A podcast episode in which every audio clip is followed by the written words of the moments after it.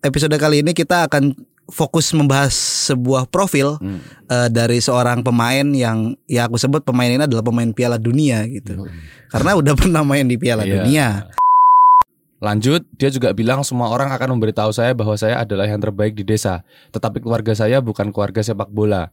Mereka besar dalam lingkungan agama dan menginginkan hal yang berbeda untuk saya. Itu Mane menceritakan ada perbedaan keinginan mungkin ya. Mm-mm. Dia sebagai anak, oke, berkembang dari keluarga yang sangat agamis tapi konsumsinya udah sepak bola nih. Ya. Yang mendorong si kecil ini mau jadi Ya. pemain sepak bola. Sayangnya di Senegal nggak ada Liga Santri kan. Nah, Dapat kita di sini latar belakang keluarganya petani. petani ya keluarganya. Petani.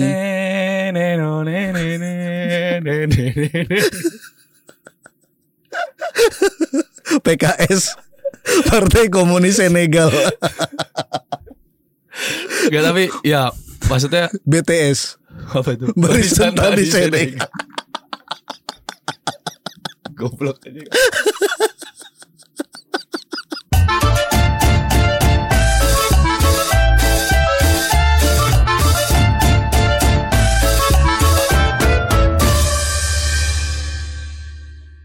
Selamat datang kembali di podcast Ora Gol Karena sepak bola bukan hanya tentang gol Barengan saya Ikhlas Alfarisi Dan saya Raihan Majid. Selamat mendengarkan episode ke-79 Yes. Ada gak sih yang dengerin?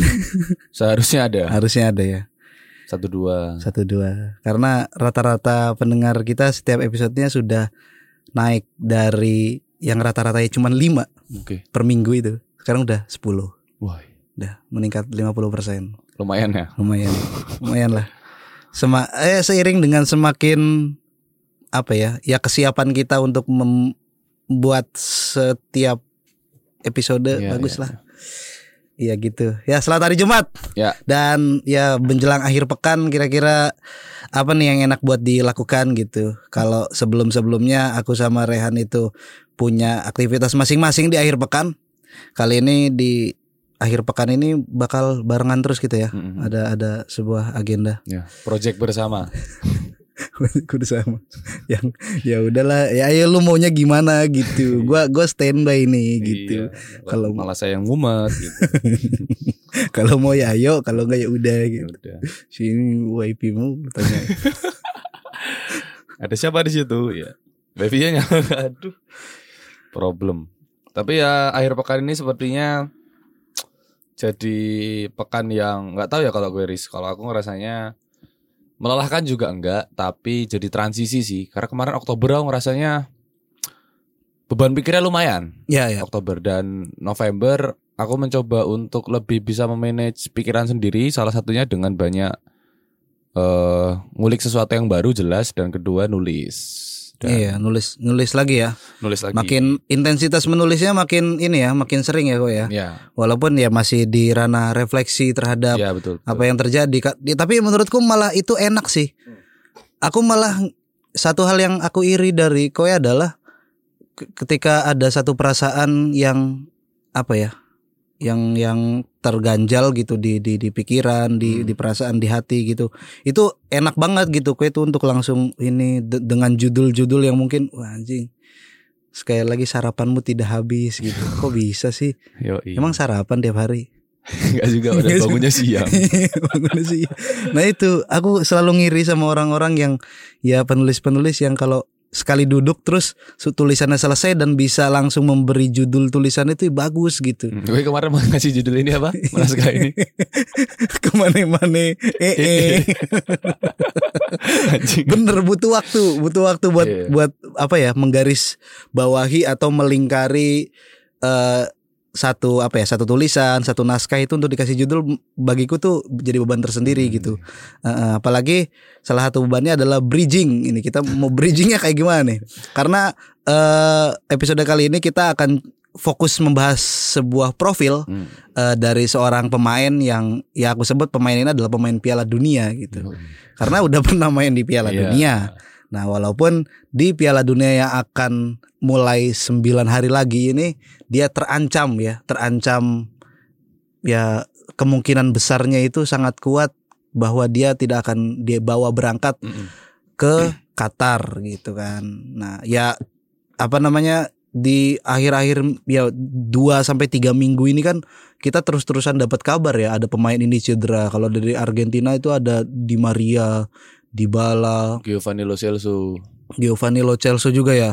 Terus di Inggris ada Rhys James. Iya, Rhys James. Heeh. terus di Prancis ada Kante, Pogba. Wah, parah lah. Zidane.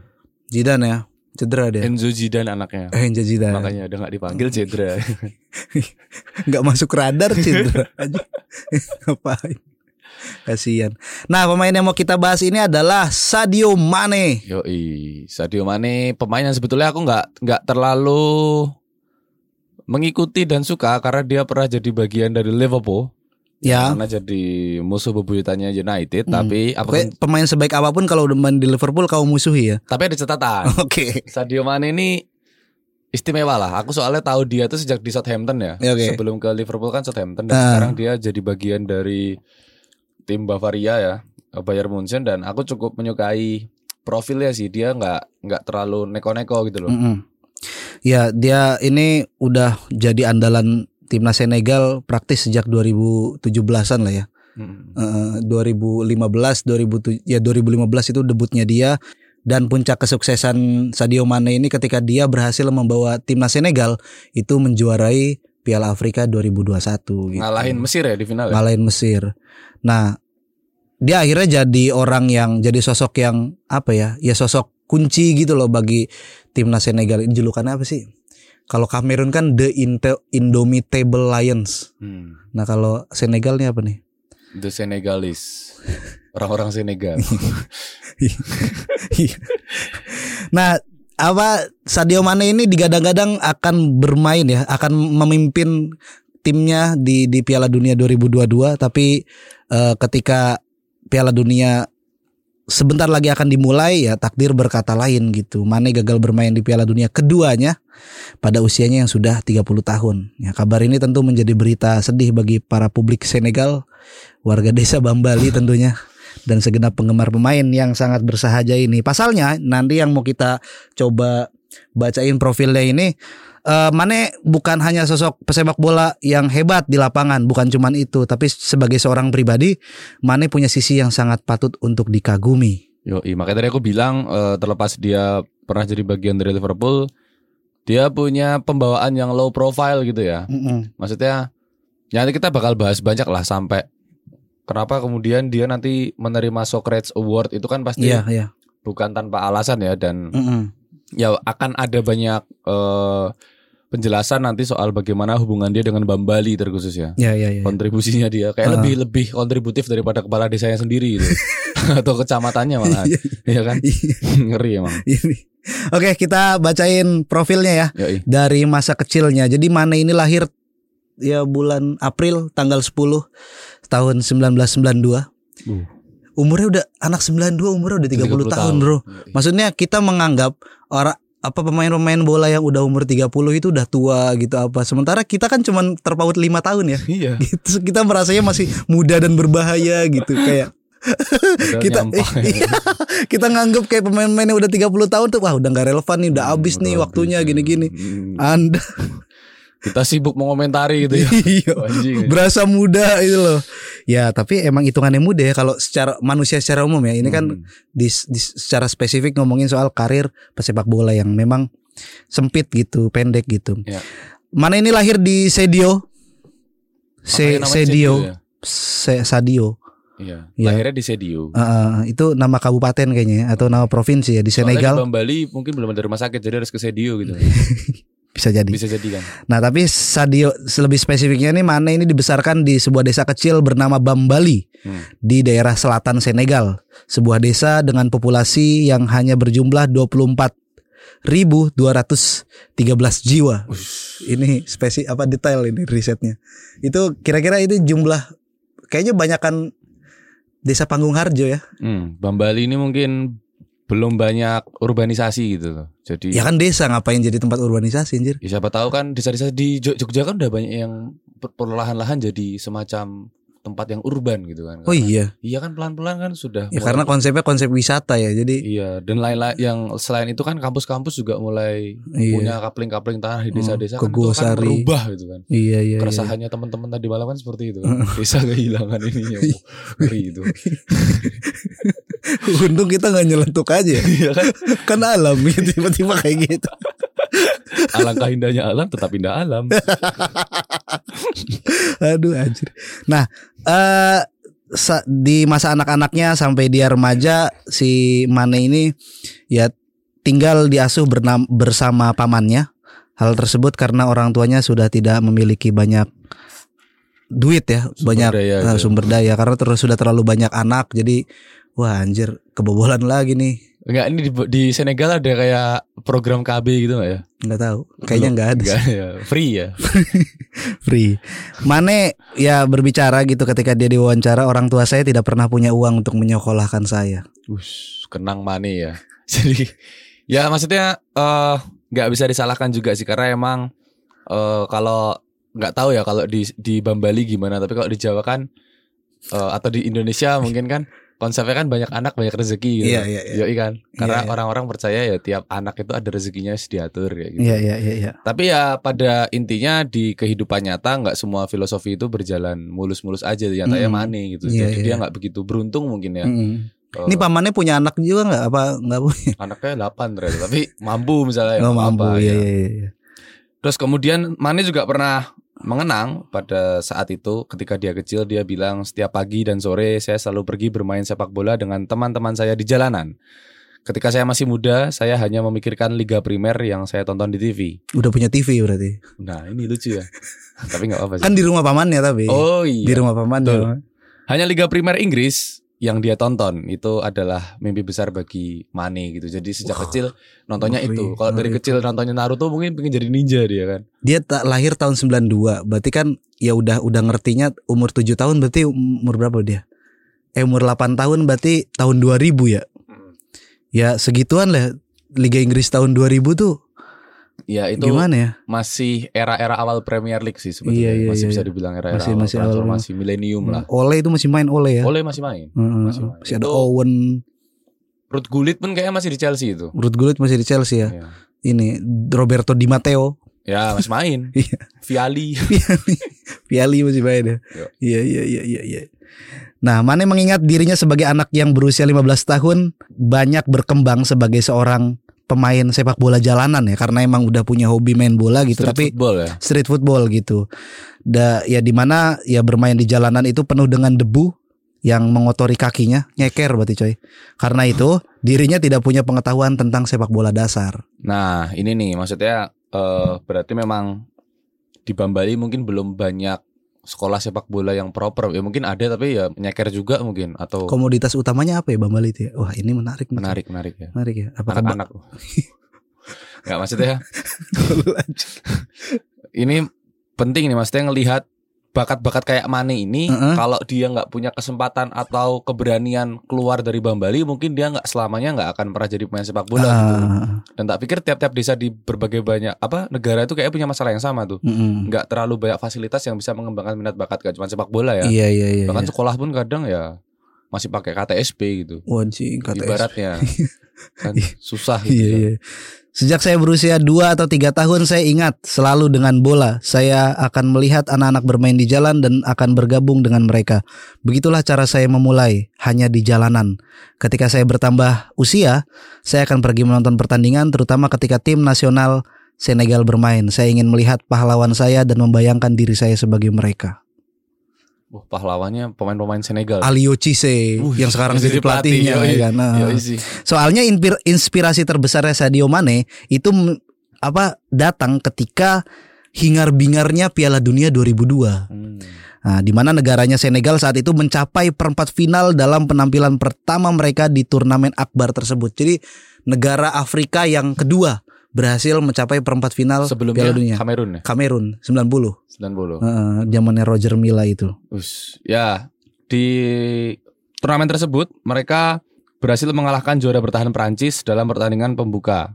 Itu merupakan keajaiban yang mungkin tidak akan pernah dia lupakan. Anjir. Kemudian dia bilang tuh setelah Piala Dunia saya dan teman-teman saya mulai mengadakan turnamen di desa kami. Waduh, eh dan influencer sekali ya. Iya. Dan itu ya ya wajar ya di kota Iya. apalagi yang jadi yang sukses adalah negaranya sendiri. Ah, ah. Indonesia yang nggak pernah ikut Piala Dunia tiba-tiba ada turnamen Tarkam gitu kan. Iya, apalagi yang sampai perempat final kan. Heeh, heeh. Dan dia bilang juga, saya semakin bertekad untuk menjadi yang terbaik dan memenangkan setiap pertandingan, kata Mane. Lanjut, dia juga bilang semua orang akan memberitahu saya bahwa saya adalah yang terbaik di desa. Tetapi keluarga saya bukan keluarga sepak bola. Mereka besar dalam lingkungan agama dan menginginkan hal yang berbeda untuk saya. Itu Mane menceritakan ada perbedaan keinginan mungkin ya. Mm-mm. Dia sebagai anak, oke, berkembang dari keluarga yang sangat agamis tapi konsumsinya udah sepak bola nih Ya. yang mendorong si kecil ini mau jadi Ya. pemain sepak bola. Sayangnya di Senegal nggak ada Liga Santri kan. Nah, harusnya banyak belajar dari sini. Ya. Iya. Ada. Depaknya gimana depak ini? Depak Senegal ya kan. Depak Senegal nih kurang ke situ. Kurang, kurang ke situ karena ya mungkin Senegal secara kultur tidak tidak berhasil memunculkan sebuah subkultur bernama pesantren gitu. Oh iya. Jadi sebuah lembaga pendidikan alternatif yang di dalamnya juga anak-anaknya ya bukan cuman belajar mengaji dan ceramah tapi digodok juga kamu punya apa gitu. Sekarang kan apa? pesantren gitu, Hmm. minat bakatnya apa, bahkan sampai ke sepak bola pun ada gitu. Akhirnya difasilitasi ada liga santri gitu. Iya, itu juga jadi akhirnya Liga Santri kayak gitu meskipun ya skupnya belum terlalu besar dan tidak terlalu terkenal gitu Mm-mm, mungkin mm-mm. orang-orang nggak terlalu aware sama turnamen itu tapi itu jadi sarang juga buat anak-anak tuh unjuk potensi siapa Mm-mm. tahu nanti ada pemandu bakat ya kan? Iya iya iya iya. Ya tapi kalau mana ikut Liga Santri nggak bakal sistem sekarang. Iya. Tiba-tiba dia wah Liga Santri gitu jadi top skor Liga Santri Senegal gitu. Tapi pertanyaannya ini agak out of the box sih, tapi menarik. Kita kan ngomongin santri. Ada nggak sih pemain sepak bola di Indonesia lah yang Ah. jebolan pesantren gitu ya? Rafli M Rafli Rafli sang santri itu Oh iya. yang pernah U2 eh, timnas U23 itu. Iya, Tapi dia dari Liga Santri juga mungkin ya. Iya Liga Santri juga. Oh, itu kan satu bukti nyata tuh. Ah. Bahwa saya Liga Santri bisa mengorbitkan iya pemain. gitu-gitu, iya, iya. pemain gitu. meskipun ya sampai sekarang mungkin belum berhasil Belum, ke iya. internasional. Iya belum go internasional gitu. Ya yang dilatih di Uruguay aja sama gini, biasa aja. Jadi artis. lanjutan lanjutan. Etika Muhan. Kemudian juga mengenai mimpinya menjadi pemain sepak bola, keinginan Mane untuk menjadi pemain profesional awalnya tadi seperti disampaikan lewat eh, cerita dia, cerita si Mane sempat ditentang oleh keluarganya.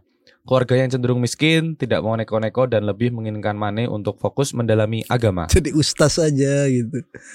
Jadi Tapi stigma coy, maksudnya kalau tidak terlalu memiliki materi kadang wis Mm-mm. fokus agama. Iya, wis. kita kejar akhirat aja. ngajar ya ngajar. Ya nggak salah sih, cuman Mudin Mudin apa sih Mad, apa Madin nggak tahu, nggak Madrasah Diniyah. Yuk lanjut. Dan- NU dia bro. Nah, kemudian Mani ya tadi seperti diketahui dia dari keluarga muslim yang taat. Dia juga bilang, ketika mereka dapat melihat bahwa di kepala dan hati saya hanya ada sepak bola, saya mulai meyakinkan mereka, terutama paman saya, kan yang ngasuh ya. Yang punya modal juga. Iya. Ini pemodalnya nih.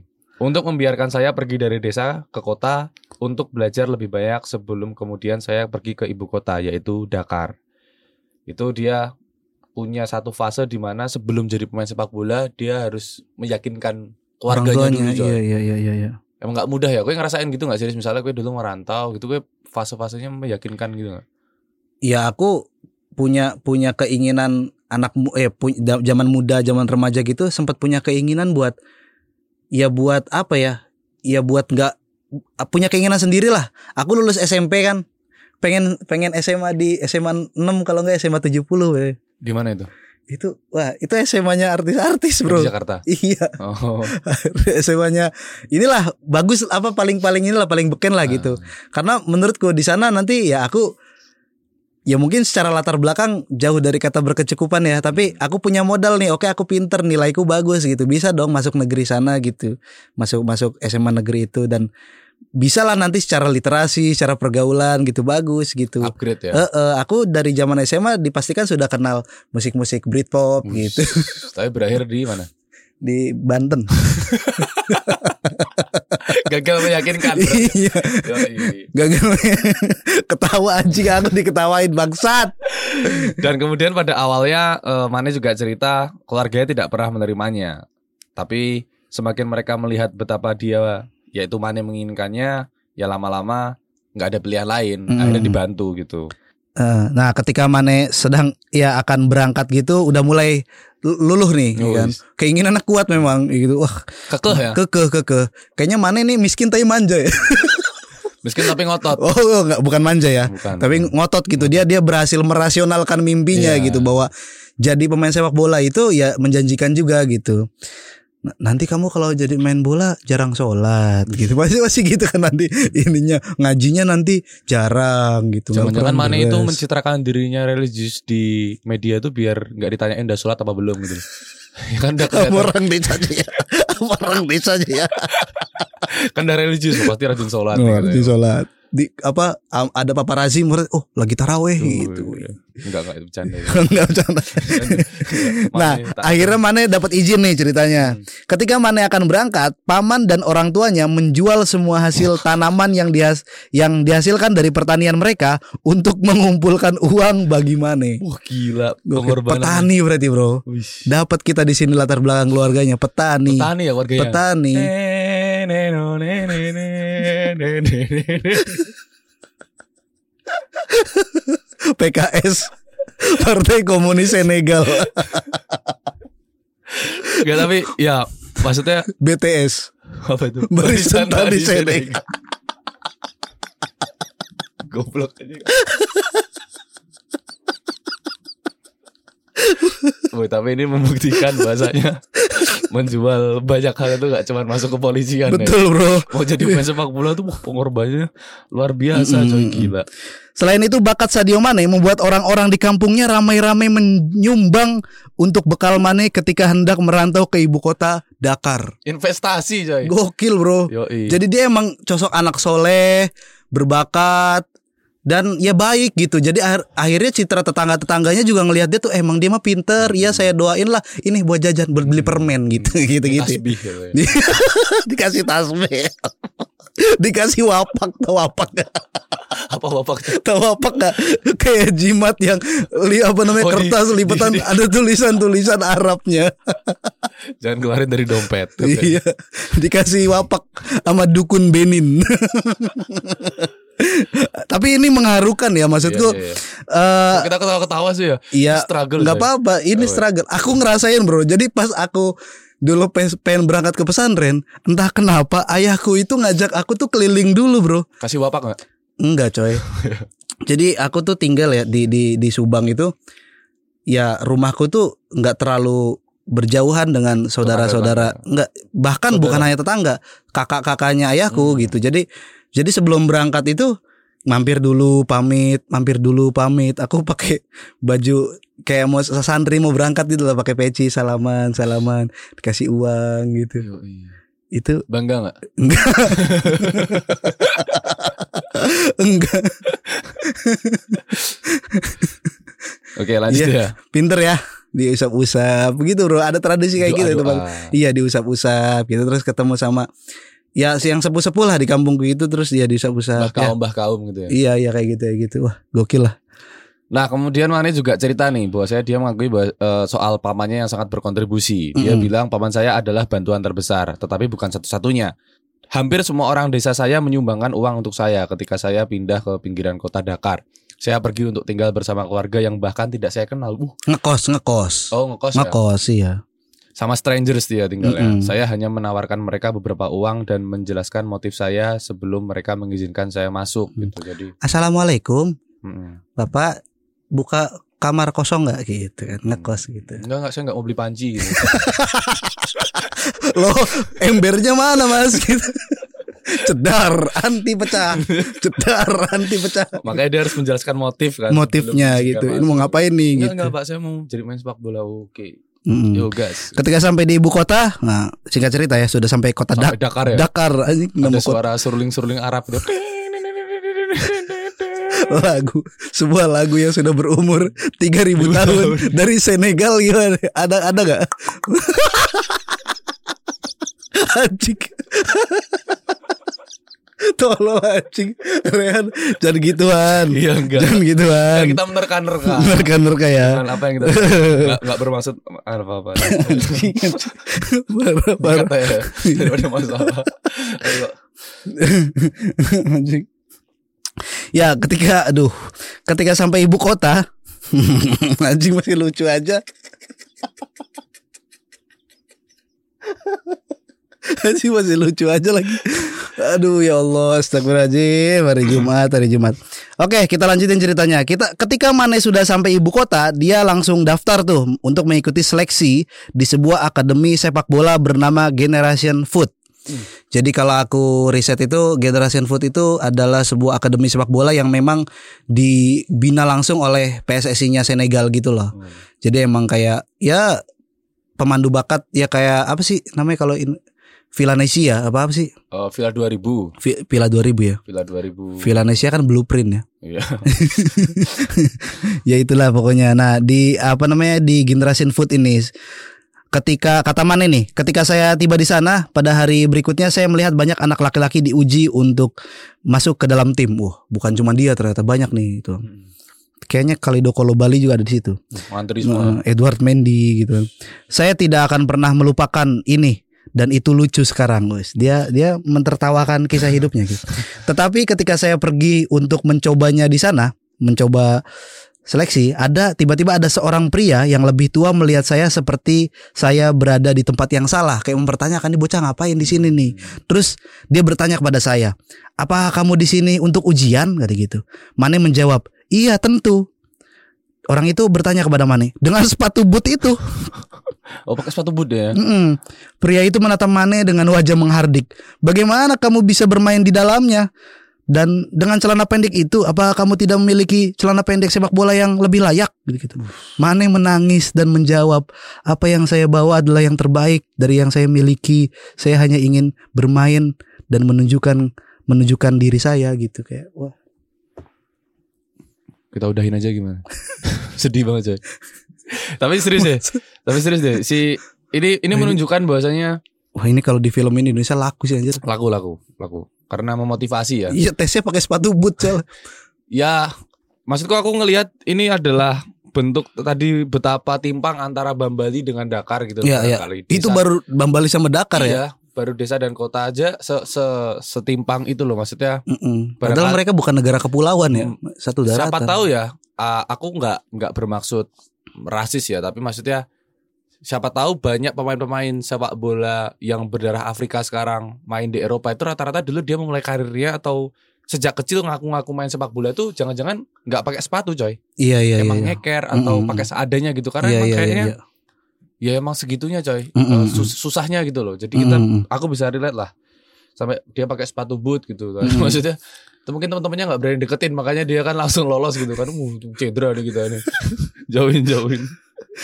Nah, ketika Sadio Mane masuk ke lapangan, wajah pria itu yang tadinya menghardik itu terlihat terbelalak mengagumi aksi Mane. Beneran coy, bukan bukan takut sama sepatu bootnya. Gitu. keren ya. Heeh. Pria itu datang kepada Mane dan berkata, "Saya akan langsung memilih Anda.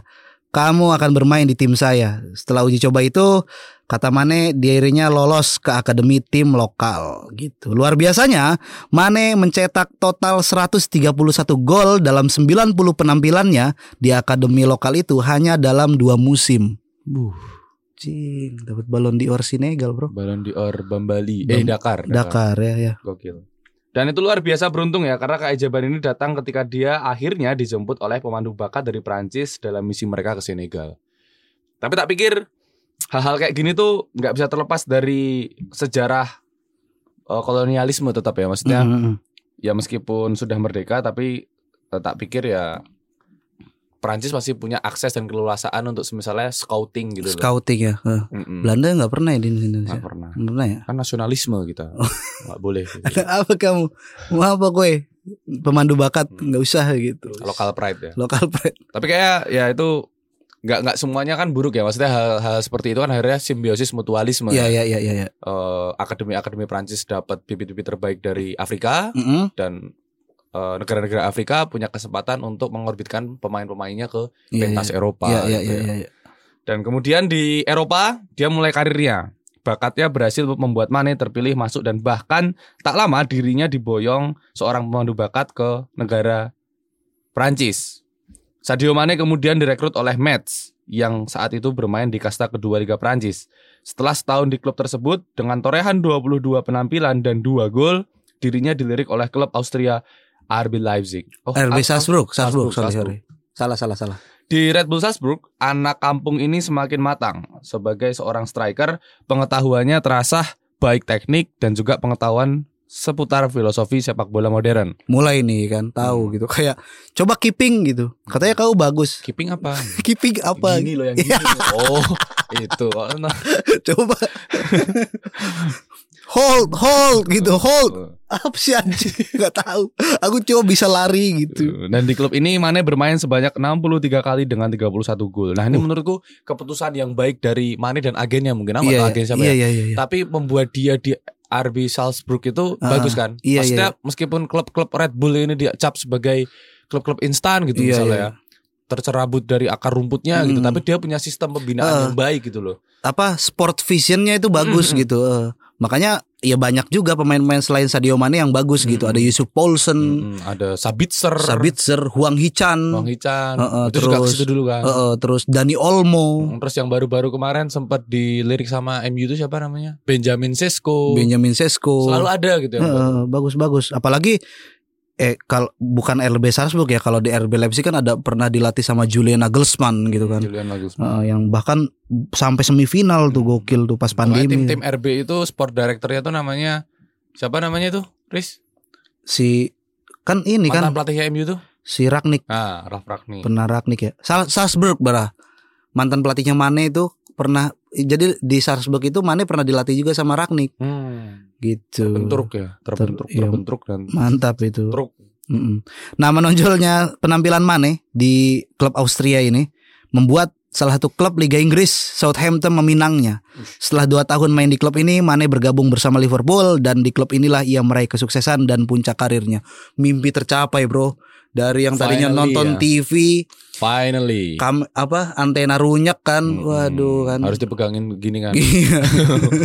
Karena nggak ada cantelannya harus dipegangin. Iya, gitu. Dan gini. sekarang dia yang ditonton oleh publik Bambali gitu ya. Gokil.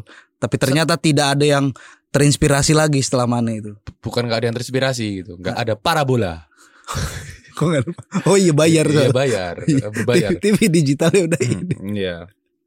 Dan di di Southampton ini jadi luar biasa ya karena eh, kepindahannya ke Southampton yang mungkin tim-tim pinggiran Liga Inggris gitu justru membawa dia ke Liverpool gitu. Iya iya iya. iya. Dan bersama Liverpool tadi eh, dia sukses menangkan banyak hal. Dia memenangkan Liga Premier Inggris, Liga Champions, Piala FA dan beberapa kali juga meraih penghargaan pemain terbaik. Setelah bermain selama enam tahun bersama The Reds, Mane kini memperkuat klub raksasa lain di Eropa yaitu Bayern Munich ya. Di timnas Senegal, Hmm, Mane juga punya rekor yang baik. Mane sudah bermain sebanyak 93 kali dengan torehan 34 gol dan satu Piala Afrika. iya iya. Kadang kita sebagai pemain bola ya ya di disajikan eh apa kadang kita sebagai penonton bola kita disajikan sama pemain-pemain yang siapa nih gitu kita nggak tahu Hmm. dia siapa tiba-tiba bagus gitu dan itu akhirnya jadi perbincangan publik dan kita kayak enggan gitu loh untuk ngulik nih dari dari mana nih asalnya dan setelah kita tahu ceritanya Mane oh ternyata alurnya kayak gini gitu Nggak Gokil. instan ya. Iya nggak instan gokil juga gitu. Nah ya kesuksesan Mane sebagai seorang superstar tak lantas membuat dirinya tak kabur ya. Ya.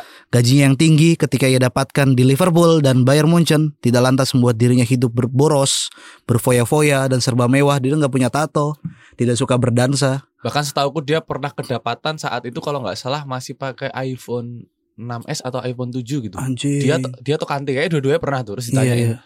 "Kamu tuh gajimu banyak gitu, kamu nggak ganti? Ini masih bisa dipakai." Iya iya iya. End of the bat gitu. Wah. Oh ini bisa dipakai gitu. Wah anjing. Tapi kan kameranya jelek gitu. Hmm, kan difotoin fotografer. Oh. Oke iya Udah- iya. udah ada fotografer, Oh udah- iya iya iya Udah iya. nggak butuh kan Iya, iya. kirim gitu. Iya iya. Kalaupun ada yang mau foto ya pakai HP-mu lah, jangan pakai Iya. HP-ku gitu. Hmm, Pakai HP-ku jelek. aja kan. Iya airdrop. Itu yang Iya, iya. Dan diketahui pada tahun 2019 Mane menyumbangkan sekitar 250 ribu pound sterling atau sekitar 4,5 miliar rupiah untuk membangun sekolah di kota kelahirannya Bambali. Dan pada tahun 2021 ia menyumbangkan setidaknya 500 ribu pound sterling atau sekitar 8,9 miliar rupiah untuk membangun rumah sakit di desanya Bambali. Bikin rumah sakit di desa loh. Berarti sejak tahun eh, Mane merantau sampai baru disumbang ini belum ada rumah sakit coy. Jadi orang-orang mungkin harus jauh-jauh ke Dakar gitu ya. Dan aneh juga bro gitu. Kok bisa gitu di desa ada rumah sakit? Siapa tahu. Ada ada nggak kayak di sini desa gitu? Mm. Kan rumah sakit kan harus ke pusat kota gitu. Mm-mm. Tapi aku agak skeptis ya jadi ya. Siapa tahu mana ada kong kali kong sama pejabat setempat gitu biar mekar gitu Bambali jadi kabupaten sendiri gitu kan dengan melengkapi infrastruktur ya. Jadi jadi kota Madia. Nah, konspiratif sih cuman ya siapa tahu kan. Siapa Tapi- tahu dia mau jadi kayak George Weah ya besoknya. Oh, nggak Ya, tahu. nggak ya. boleh ke situ sih mikirnya ya, boleh gitu. Iya. dia mah dia mah suka gitu anjing. Jangan coy. Iya, iya, iya. enggak enggak. Dia tidak politis kan. Yoi. Dia filantropis aja Yoi, gitu. Keren keren. Nggak- Nggak ada nggak ada ke situ lah. Nggak ada ke situ ya. Ah, Sadio Mane juga diketahui kerap pulang ke desanya untuk sekadar bermain sepak bola dengan para pemuda yang ada di desa Bambali. Mm-mm. Jadi fun football gitu ya. Oh dia pernah bagi-bagi jersey Liverpool waktu final Liga Champions Ah, dia. Bayern Munchen juga. Ah, ah, dia bagi-bagi jersey gitu. Mm-mm. Jadi gue tuh nggak punya jersey ori Liverpool, orang-orang Bambali itu punya coy. Jadi orang-orang sini ya. The cops, the cops, Oh, kopites, punya. kopites Archie Archie itu nggak ada punya itu Archie itu. orang Bambali kan Archie punya. baju haul Shopee. Tolol aja. Nah, ya pribadinya yang sangat dermawan, yang sangat total ya terhadap apa ya keder apa kedermawanan sosial gitu. Akhirnya yang membuat dirinya itu menjadi pemain yang punya penghargaan Socrates Award. Prestisius ya. Heeh, itu dipikirin ya kayak sama orang FIFA. Kita nambah apa lagi nih budget masih banyak nih gitu. Hmm. Nambah apa lagi? Pemain paling dermawan. Ah, siapa nominasinya? Nggak ada nominasinya langsung ya aklamasi gitu. Mana gitu. Ya, jadi di eh, penyerahan Ballon d'Or kemarin itu ada satu trofi atau satu penghargaan baru ya, Ya. yaitu Socrates Award Hmm. yang itu didedikasikan untuk para pemain yang punya kontribusi terhadap lingkungan sosial lewat Mm-mm. kedermawanannya ya. Iya, iya, iya. Dan seperti kita tahu Mane tadi gak tanggung-tanggung coy. Nggak cuma bagi-bagi jersey gitu. Bikin rumah sakit. Mm-mm. Mas, wah. Itu tuh penyerahan uangnya ke siapa ya? Ke pasti kan ada lembaga penadahnya dong.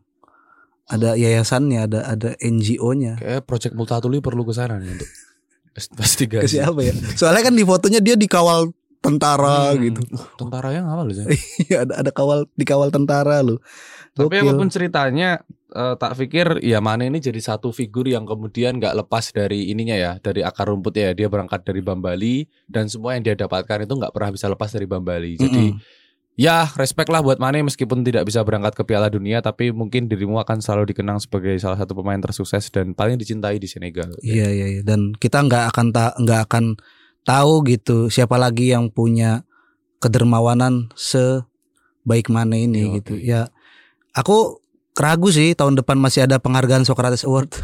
Kenapa tuh? Kayaknya udah sekali doang deh. Siapa coba calonnya nanti? Iya juga. Misalkan ini tahun 2023 gitu. Siapa? Mane lagi, Mane lagi. Mane lagi. Mane lagi ya. Iya dua dua kali berturut-turut. Iya iya iya iya iya Mane sampai tiga kali lah. Kan dia nanti sampai umur 34 apa 35 kan masih bermain ya. Yoi. Dan dia masih konsisten dengan kedermawanannya. Betul. gitu jangan jangan, Jangan cerita boros, aku tuh nggak suka beli rokok tapi ngambil rokok gitu aja Internal banget. ya. oke makasih udah dengerin podcast Suara Gol ya. sampai jumpa di episode selanjutnya bye bye Bye.